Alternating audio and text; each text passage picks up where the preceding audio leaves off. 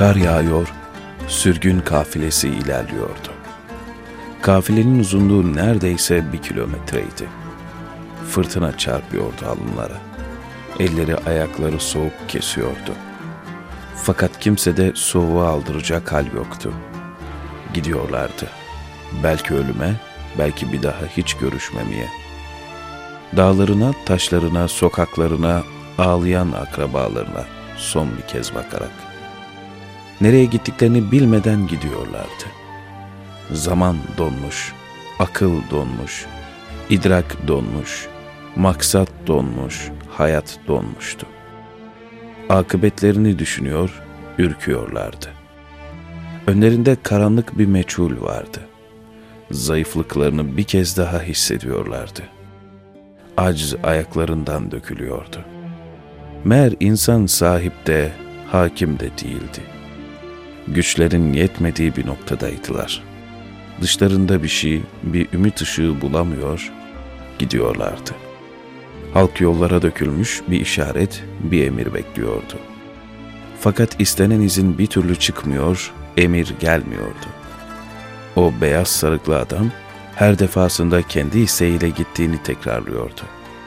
O baş, asayişi ihlal edecek, başı bozukluğu netice verecek hiçbir şeye olur vermiyordu.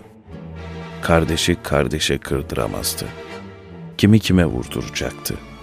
Ahmet'le Mehmet'i karşı karşıya getiremez, bunu kendi ülkesine ve insanına yapamazdı. Şahsını feda edebilir, başkasının fedasına ferman veremezdi. Bu uğurda bütün hissiyatını ayaklar altına alacak, darılmayacak, dayanacak, katlanacaktı. Ferman kaderindi. Git denilmişti, gidecekti. Sanki görünen fırtınanın ötesinden tebessüm eden güzel ve büyük bir vazifeye gidiyor, her şeyi biliyordu. Razıydı kaderine.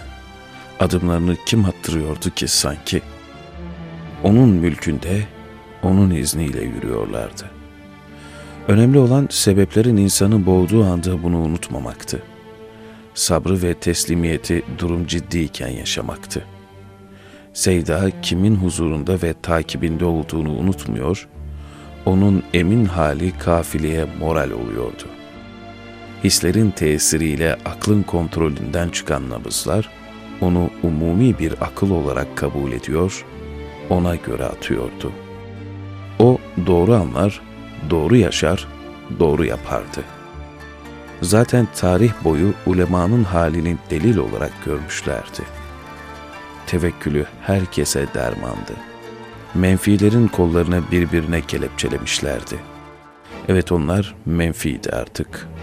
Adları, unvanları yoktu. Zararlıydılar.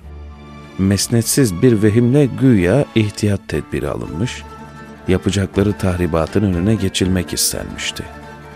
bir yumurtanın kabuğunu bile tahribat oluyor diye olabildiğince az kıran bu ince insanların çıkarabilecekleri muhayyel bozgundan, verebilecekleri zarardan endişe edilmişti.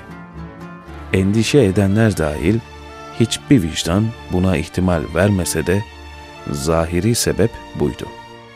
Aklen inanmadıkları şeye vehmen teslim oluyorlardı.''